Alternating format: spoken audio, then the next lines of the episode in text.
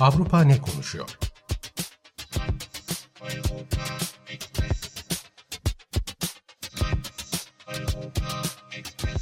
Avrupa medyasından yorumlar.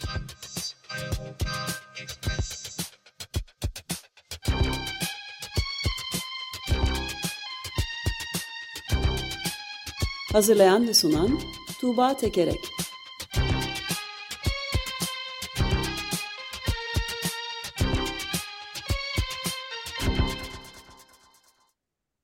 Günaydın Tuğba, merhabalar. Günaydın Ömer Bey. Günaydın. Günaydın Özdeş. Avrupa ne konuşuyor bakalım? Avrupa ne konuşuyor? Ee, Avrupa'nın konuştuğu şeylerden bir tanesi işte Türkiye'deki seçimler. Bununla birlikte Yunanistan'daki e, seçimler e, son derece önemli bu hafta sonunda yapılan. E, sizin Yunanistan'daki seçimleri e, diğer programlarında önceki günlerde e, irdelediğiniz için ben bu Yunanistan'daki seçimlerin e, bir başka e, boyutuna dikkat çekmek istiyorum. E, daha önceki programlarda da konuşmuştuk. Seçimin önemli gündemlerinden bir tanesi e, göçmen e, meselesiydi. E, örneğin işte iktidardaki e, partinin e, lideri Başbakan Mitsotakis e, işte göçmenlere karşı alacağı önlemlerden e, bahsetti kampanya süreci boyunca. E, işte Meriç Nehri'ne e, yapılan duvarın iki katına e, çıkarılacağını açıkladı. Gitti duvarla birlikte pozlar verdi. E, bu arada Midilli'ye de gidip e, orada şey söylemişti. Bakın e, biz işte ülkeye göçmenleri gelmesi azaltma konusunda verdiğimiz taahhütleri tutuyoruz.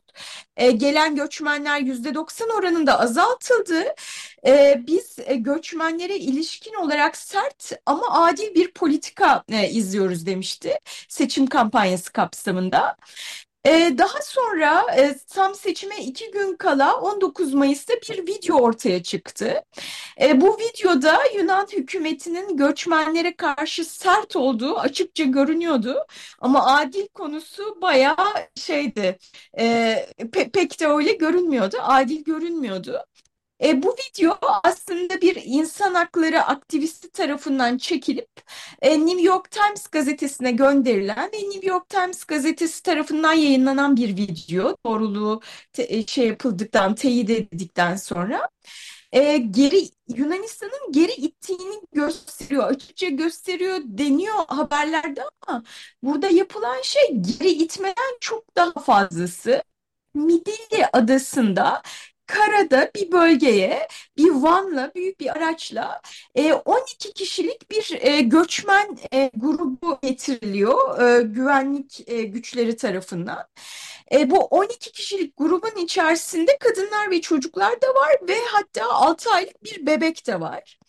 E, bu e, göçmen grubu bir sürat teknesine konuyor, e, Ege Denizi'ne açılıyor, Türk tarafına yaklaşıyor ve orada sahil güvenliğin botlarının da e, devrede olduğu bir şekilde daha sonra şişme bir bota e, göçmenler bırakılıyor ve orada Ege Denizi'nin ortasında kaderlerini terk ediliyor. E, yani hani e, böyle tartışmalı bir deniz bölgesinde göçmenler gel geliyordu da geri ittik denen bir şey değil. Yani karadan Yunanistan'dan göçmenler alınıyor ve Türk tarafına bırakılıyor. O tarafa doğru bırakılıyor ve kaderlerini terk ediliyor.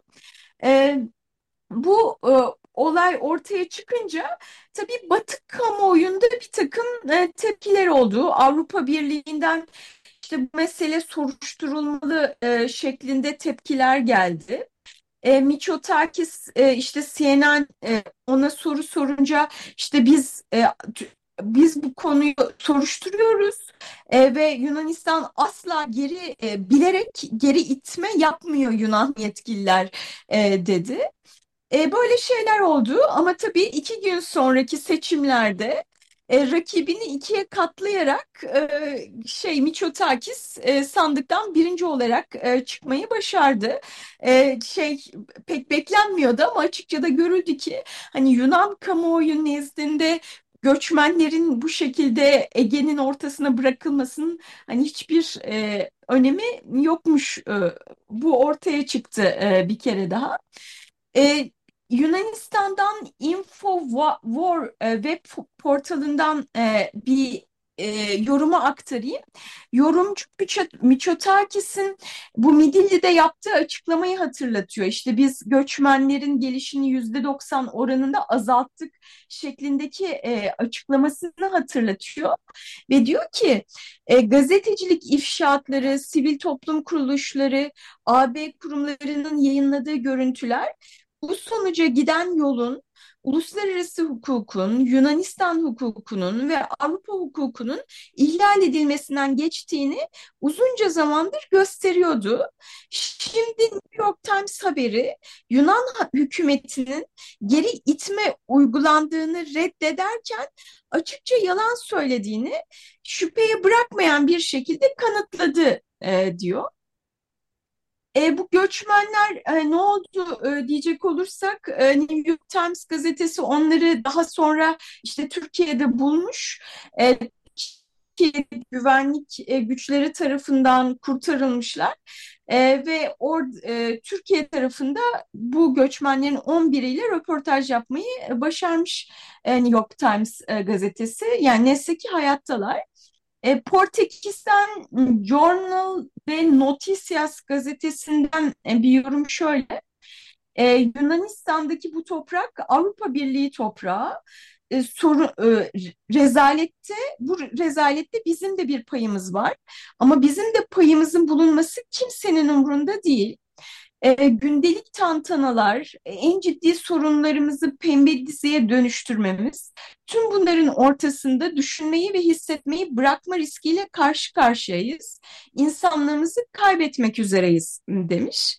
E, ve Hollanda'dan e, DevOps Krant gazetesi de bu toplu olarak Avrupa Birliği'nin problemi biz Yunanistan'ı yalnız bırakıyoruz. Hani Avrupa Avrupa olarak bu konuda e, bizim inisiyatif almamız lazım demiş. İşte şöyle diyor, müşteri, müşterek bir iltica ve göç politikası benimsenemezse iltica sorunu daha da büyür ve Avrupa gittikçe insanlıktan uzaklaşır e, diyor.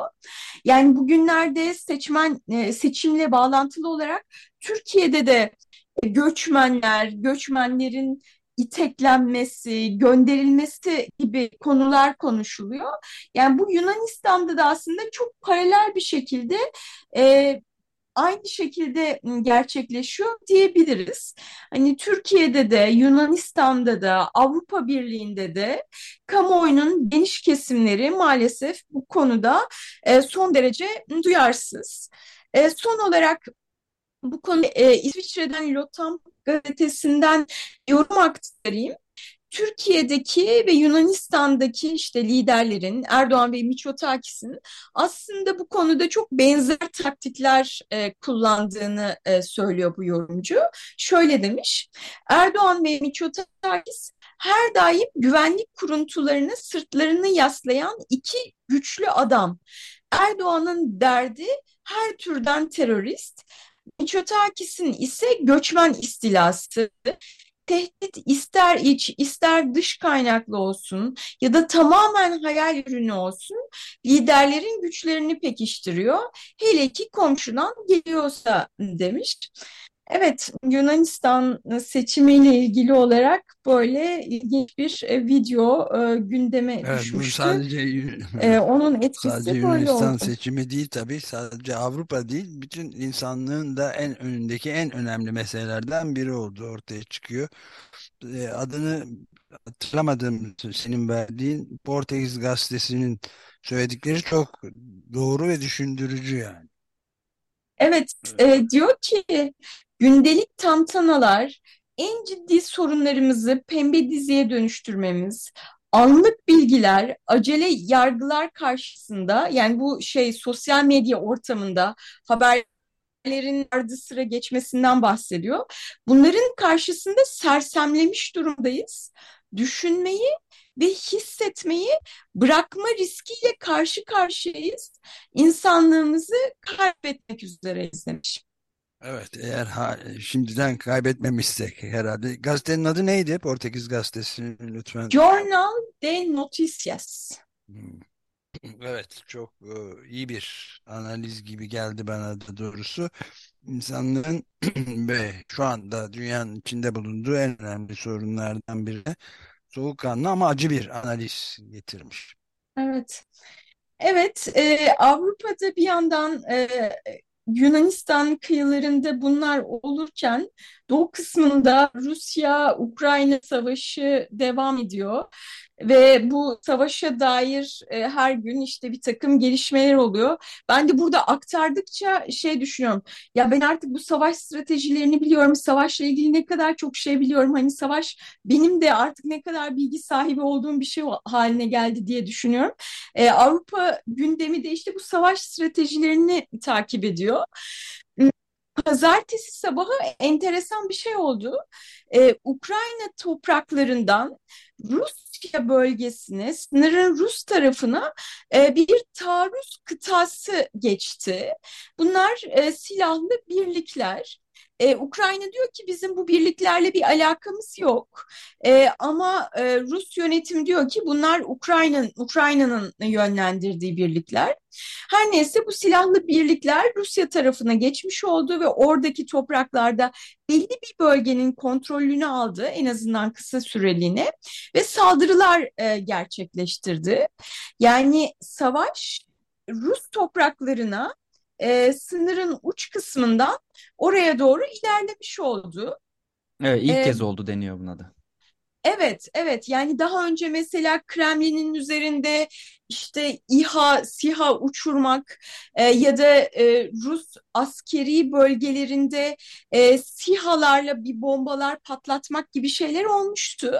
Ama birliklerin geçişi, savaşçıların geçişi e, ilk defa oldu. E, ama sonrasında da Rusya'dan bir takım paramiliter e, gruplar e, o bölgeye gitti ve kontrolü tekrar e, ele aldılar. E, en az 70 kişi öldürdüklerini söylüyorlar karşıta. E, ve işte bu savaşçıların Ukrayna'dan gelenlerin önemli bir bölümünün de Ukrayna'ya geri döndüğünü söylüyorlar. Peki hani nedir e, bu savaş, bu e, gelişmenin anlamı diye Avrupa medyasından ve Rus medyasından birkaç yorum aktarayım. E, sürgündeki Rus oligark Mihail Hodorkovski diyor bunu e, vakti zamanında Rusya'nın Donbas'taki ayrılıkçıları e, silahlandırması, onları desteklemesi ve Ukrayna'nın içerisinde silahlı saldırılar gerçekleştirilmesine benzetiyor. Ve diyor ki Ukrayna'da şimdi aynısını Rus tarafında yapıyor. Bunlar e, Rus muhalif gruplar ve onları Ukrayna e, destekliyor, silahlandırıyor diyor. Ve işte hani biz Ruslar olarak Ukrayna'da e, bir savaş başlatırsak aynı şeyi onlar da bizim topraklarımızda yapıyor diyor şu anda. E, yorumundan Telegram'da yazmış. E, onu bir e, medya e, kurumu Eko algılamış, e, alıntılamış Rusya'da. Onu aktarayım. E, bu olaylar başka bir ülkeyi işgal edip birkaç şehrini yıkıp ardından o ülkenin işgale nasıl direneceğini dikte edemeyeceğinizi bir kez daha göstermiş oldu. Uluslararası hukuka göre Ukrayna saldırgan devletin topraklarını saldırabilir ve çatışmayı Rus topraklarına taşıyabilir e, demiş.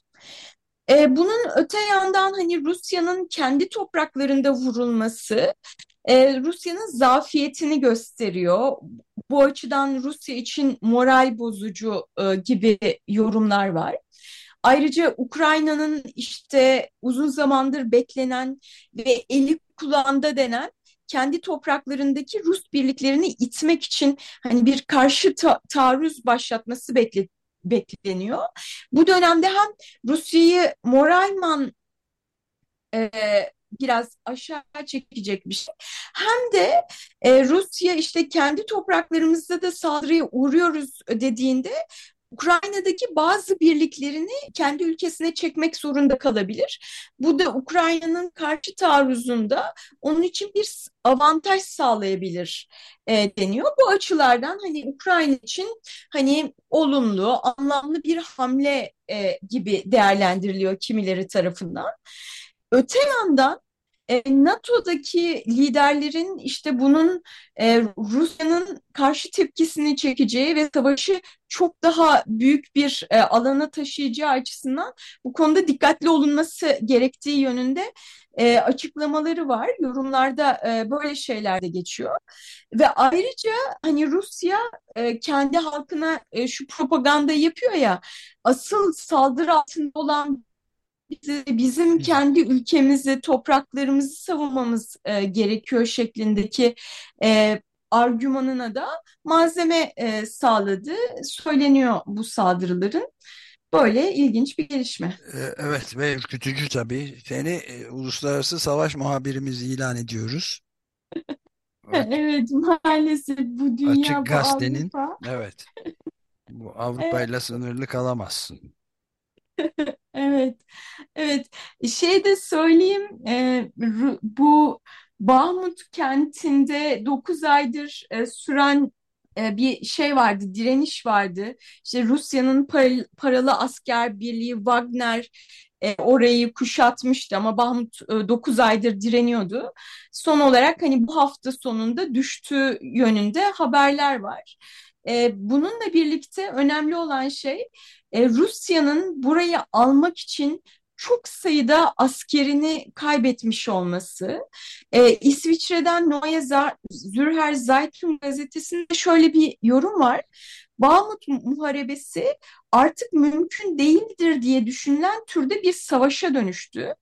Rus piyadeler insan dalgaları halinde siperlerinden çıkıp ölüme doğru koştular e, diyor. Yani Rusya ele geçirmiş ama e, bu sırada da çok e, çok sayıda Rus askeri, paralı birlik e, mensubu ölmüş durumda. Ee, bugün Guardian'da vardı. Wagner'in e, işte başkan kurucusu Prigojin e, Bakhmut Savaşı sırasında 20 bin var askerinin öldüğünü açıklamış mesela. Sadece bu Wagner askeri. Bir de Paralı tabii askerlerden. evet düzenli ordu var bir de Ukrayna tarafı var. Bir de Evet. uydudan çekilmiş bir e, fotoğraf vardı. Gene Guardian'da yanılmıyorsam. Ve e, Bakhmut diye bir şehrin artık e, olduğunu söylemek mümkün değil. Eski ve yeni hallerini koymuş. E, yani eski halini koymasına lüzum yok. Zaten ortada bina diye bir şey kalmamış yani. Bu şehir artık düşmüş mü düşmemiş mi bilmem bilemem ama ortadan kalkmış durumda yani. Orada kimsenin yaşamasına imkan olmadığı görülüyor görsel olarak. Evet yani Özdeş'in e, yani hani 20 bin hani yüzlerce binlerce askerden bahsediyoruz ve bu sadece Bahmut şe- şehrinde yani bu muharebe e, sırasında ölenler ve bu yani bir yılı aşmış bir e, savaş. Yani tek bir anda ve tek bir yerdeki e, ölü sayısı sadece Rus tarafındaki ölü sayısı 20 bin. E, gerçekten e, korkunç bir e, insan hayatı e, feda ediliyor böyle bir savaş için. Evet, bütün savaşlar gibi bütün kötülüklerin temel noktası, anası, e, en büyük noktası savaş zaten. Evet. Evet. Ee, buradan İtalya'ya geçelim. İtalya'da e, bir e, doğa felaketi mi diyelim, nasıl adlandıralım bilmiyorum. Sel, geçen hafta gerçekleşen selde en az 14 kişi öldü. İtalya'nın kuzey e, bölgesinde e, gerçekleşen selde. 13 bin insan evsiz kaldı. Ee, çok daha fazla insan e, göç etmek yani başka şehirlere gitmek e, zorunda kaldı. Yani bölgenin yüzde 16'lık kısmının insanların tahliye edildiği. e, Neden böyle bir sel felaketi oldu. Çünkü bölgeye uzun süredir yağış düşmüyordu. Bir anda işte 6 aylık yağış bir buçuk günde düştü deniyor. Ve yağış e, kuraklık olduğu için toprağın e, yağmuru suyu emme kapasitesi çok düşmüştü. E, toprak suyu tutamadı. Ee, en az 20, e, 20'den fazla nehirde taşma oldu ve işte çok geniş çaplı bir etkisi oldu bu sellerin. Hem e, insanların işte evlerini terk etmek zorunda kalması, evsiz kalması, e, öte yandan işte tarımı ve hayvancılığı da ciddi şekilde vurdu. E, turizm yapılan bölgelerde turizm tesislerini e, etkilediği, dolayısıyla ekonomiye de ciddi bir zarar e, verdiği söyleniyor. Tabii ki e, bunun hani temel sebeplerinden bir tanesi iklim değişikliği. İklim değişikliğini hani bir yandan İtalya e, sel haberi gelirken e, özellikle İspanya'dan ama aynı zamanda Avrupa'nın diğer bölgelerinden de kuraklık haberleri geliyor ve iklim değişikliğinin Avrupa'yı hani gün be gün nasıl etkilediğini birebir görüyoruz artık çok somut olarak. Bununla birlikte iklim değişikliğinin yanı sıra hani şehircilik politikası açısından hani bunların hiç dikkate alınmaksızın şehirlerin kurulduğuna dair e, yorumlar da var. E, Almanya'dan Deutsche Zeitung gazetesi şöyle der, e, bölge başkent Roma'yı hesaba katmazsak İtalya'nın en fazla betonlaşmış yeri e, Almanya'dan da tanıdığımız bir gelişmişliğin bedeli bu. İnşaatlar ne pahasına olursa olsun sürdürülüyor. Geniş verimli araziler kapatılıyor. Nehirler dar yataklara sıkıştırılıyor. Bütün bunlar doğanın gerçek ihtiyaçları göz ardı edilerek yapılıyor demiş. E, bütün bunlar aslında bizim Türkiye'den de bildiğimiz e, yorumlar, değerlendirmeler. E, bu arada şey de söyleyeyim, e, bu bölgeden Raven, Ravenna Belediyesi'nin başkanı da bu sel felaketi için asrın felaketi demiş. Evet bu çok e, önemli bir konu çünkü İtalya'da mesela e, bu e, son kuşak, son nesil diye adlandırılan e, Leste Generazione diyorlar galiba. Kendilerini Roma'nın senato binasının önünde çamura buladılar mesela ve Kuzey İtalya'daki bu 15 benim de gör, görebildiğim kadarıyla son sayı ölenlerin sayısı ama mesela aynı zamanda yalnız İtalya'da değil İsviçre'de de özel jetlerin bulunduğu ticaret fuarını da müthiş artış var özel jet kullanımında.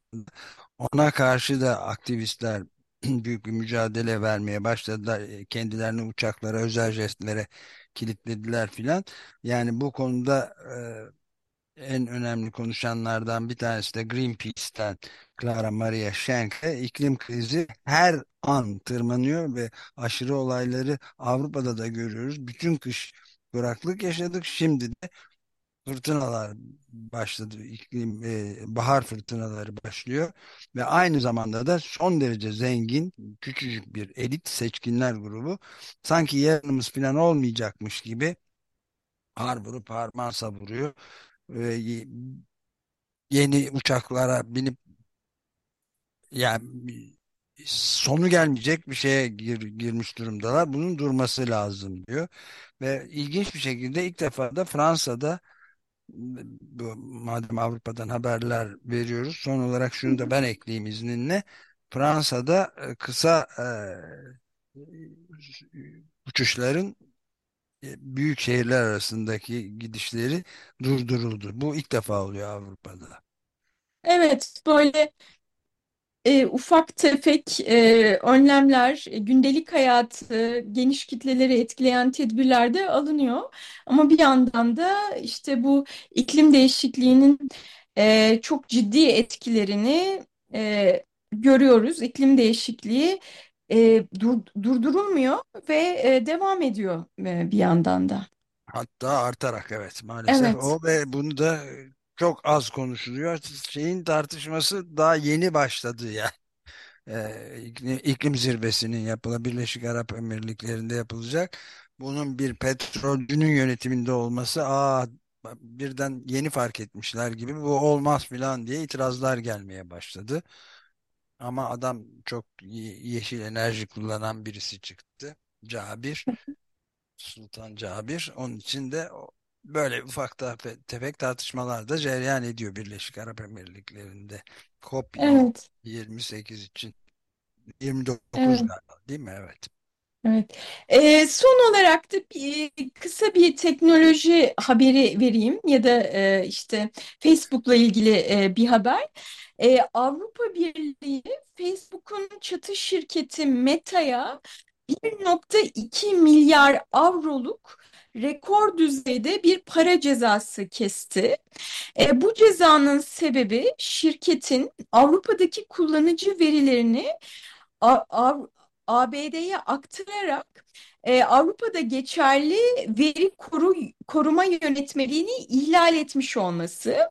Aslında mesele şu, e, Avrupa Birliği diyor ki Amerika Birleşik Devletleri'ndeki veri koruma düzenlemeleri kullanıcıların verilerini e, tam anlamıyla korumuyor. E, daha sıkı bir yönetmeliğe ihtiyaç var. E, bu ABD merkezi şirketler buradaki verileri Amerika Birleşik Devletleri'ne e, taşıdıklarında bu verilerin işte gözetlenmesi riski doğmuş oluyor ve biz bunu kabul etmiyoruz e, diyorlar. E, bu açıdan yani rekor bir ceza olması açısından önemli. Öte yandan hani Facebook'un ya da Meta'nın gelirleri açısından gelirleri içerisinde çok büyük bir yeri yok ama hani e, kullanıcı verilerinin e, güvenliği bir kere daha bu rekor ceza ile gündeme gelmiş oldu. Ee, Avrupa Birliği ve ABD e, bu veri koruma yönetmeliğinde ikisinin de e, ikisi tarafından da kabul edilebilir bir standarda gelmek için görüşmelerini sürdürüyor. E, ve belli bir süre sonra da Avrupa Birliği'nde işte yeni bir veri koruma yönetmeliğinin e, düzenlemesinin e, geçmesi bekleniyor. E, ama bu süreçte Facebook'a işte bu verileri sen ABD'ye taşıyorsun e, ve orada bu veriler güvenli değil, e, gözetlenebilir, yeterli denetim yok diye böyle rekor bir ceza verildi. E, Meta yöneticisi karşı çıktı ve bunun diğer e, ABD'li şirketler için de bir e, tehlikeli bir örnek oluşturabileceğini söyledi. Ki öyle e, teknoloji alanından da böyle bir gelişmeyi vererek bitirmiş olayım bu haftaki Eurotopics'i. Çok teşekkür ederiz Suba. Haftaya görüşmek üzere diyelim. Evet, e, haftaya görüşmek üzere. Hoşçakalın. Görüşürüz.